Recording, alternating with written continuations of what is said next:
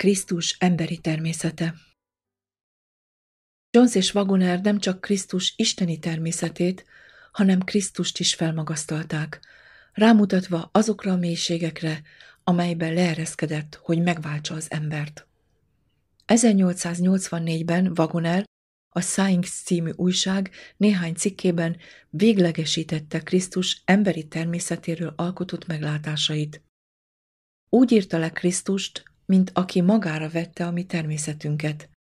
Zsidók 2, 16-17 És minnyájunk védke őre került. Ézsaiás 53, 6 Ahhoz, hogy üdvözíthessen minket, el kellett jönnie oda, ahol mi vagyunk, vagy más szavakkal egy elveszett bűnös pozícióját kellett felvállalnia.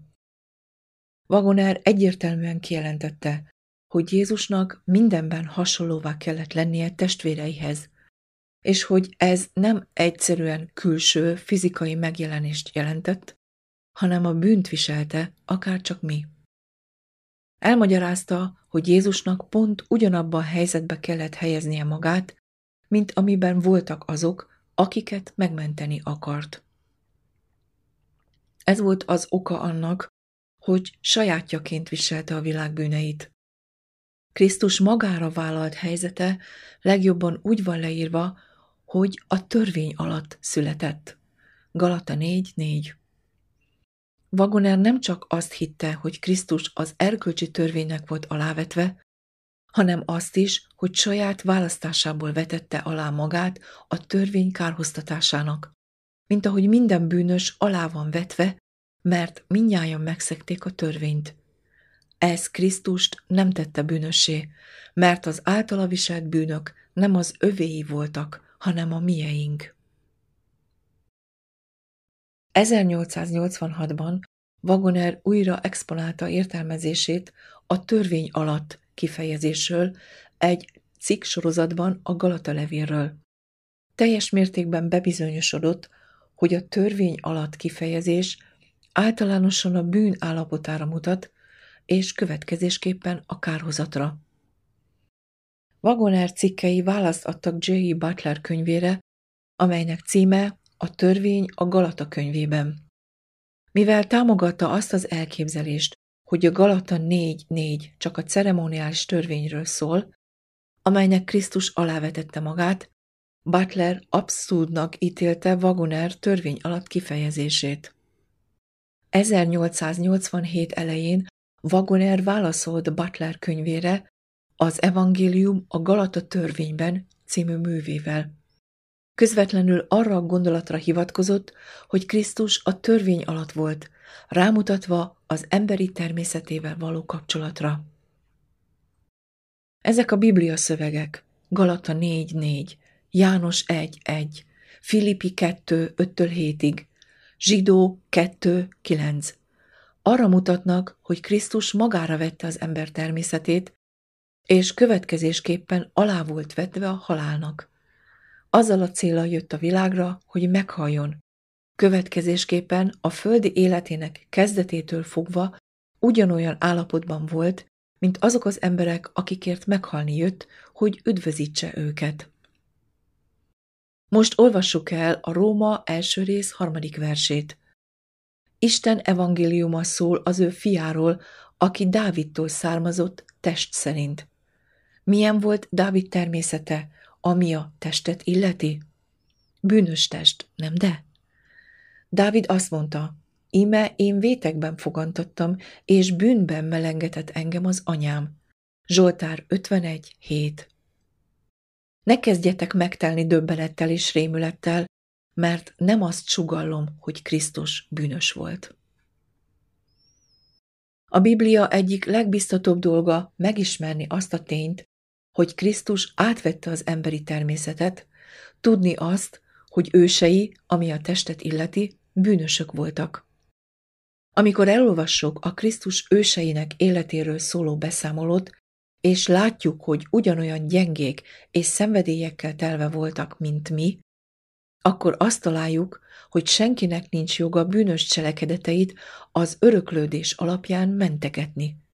ha Krisztus nem mindenben tétetett volna a testvéreihez hasonlóvá, akkor az ő bűn nélküli élete nem nyújtana semmi biztatást számunkra.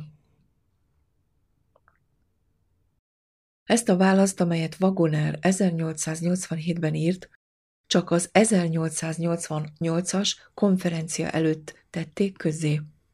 1888 nyarán, miközben az Vaklantól keletre fekvő hegyekben lévő táborban vettek részt, Jones és Wagoner néhány napot töltöttek bibliatanulmányozással az összes lelkészsel együtt, akik részt tudtak venni Kaliforniából. William Wright beszámolt arról, hogy egy napot azzal töltöttek, hogy sorra átvették Butler nézeteit a Galata törvényről, és más ehhez kapcsolódó témákat. Ezt követően Wagoner testvér elolvasott egy kicsit a kéziratából, amelyet azzal a célral készített, hogy válaszolni tudjon Butler testvér brossúrájára. Tanulmányunk végén Wagoner testvér megkérdezte tőlünk, hogy jó lenne-e kéziratát közzétenni, és a következő generálkonferencián 1888-ban a küldötteknek eljutatni, ahogy Butler testvér is tette. Úgy gondoltuk, hogy ez igazságos lenne, és 500 példány nyomtatására biztattuk őt. William White jegyzeteket készített Wagoner június 26-ai előadásán. White feljegyzései szerint Wagoner előadásának nagy részében azokról az eltérő nézőpontokról beszélt, ahogyan ő és Butler látták azt, hogy Krisztus a törvény alatt volt. Pontosan ez volt az a pont, amikor Wagoner egyértelműen kifejezte Krisztus emberi természetéről szóló koncepcióját a Butlerre adott válaszában, amint azt fentebb idéztük. Wagoner nem csak, hogy az 1888-as konferencia összes küldöttjének terjesztette válaszát, hanem beszélt a Krisztus természetéről szóló témáról. Bár előadásainak nem ez volt a központi témája, mégis a hitáltali megigazulás és Krisztus igazsága megértésének az alapja volt. A Minneapolis-i konferencián William White ugyanabba a jegyzett füzetbe írt, amit a június 26-ai táborban használt, és amelyben lejegyezte Wagoner október 17-i előadását a törvény alatt kifejezés témáról és meghatározásáról. Wagoner előadásait felesége is rögzítette rövidített formában, és nem sokkal azután, hogy 1889 elején hazaértek Vaklandba, ezek a jegyzetek a Sykes-ban megjelent cikksorozat alapjává váltak. Később a Krisztus isteni és emberi természetével foglalkozó cikkek az 1890-ben megjelent könyvében szerepeltek, amelynek találóan ezt a címet adta, Krisztus és az ő igazsága. Ezen cikkek kutatása előtt azonban el kell olvasnunk Ellen White mondani valóját ebben a témában.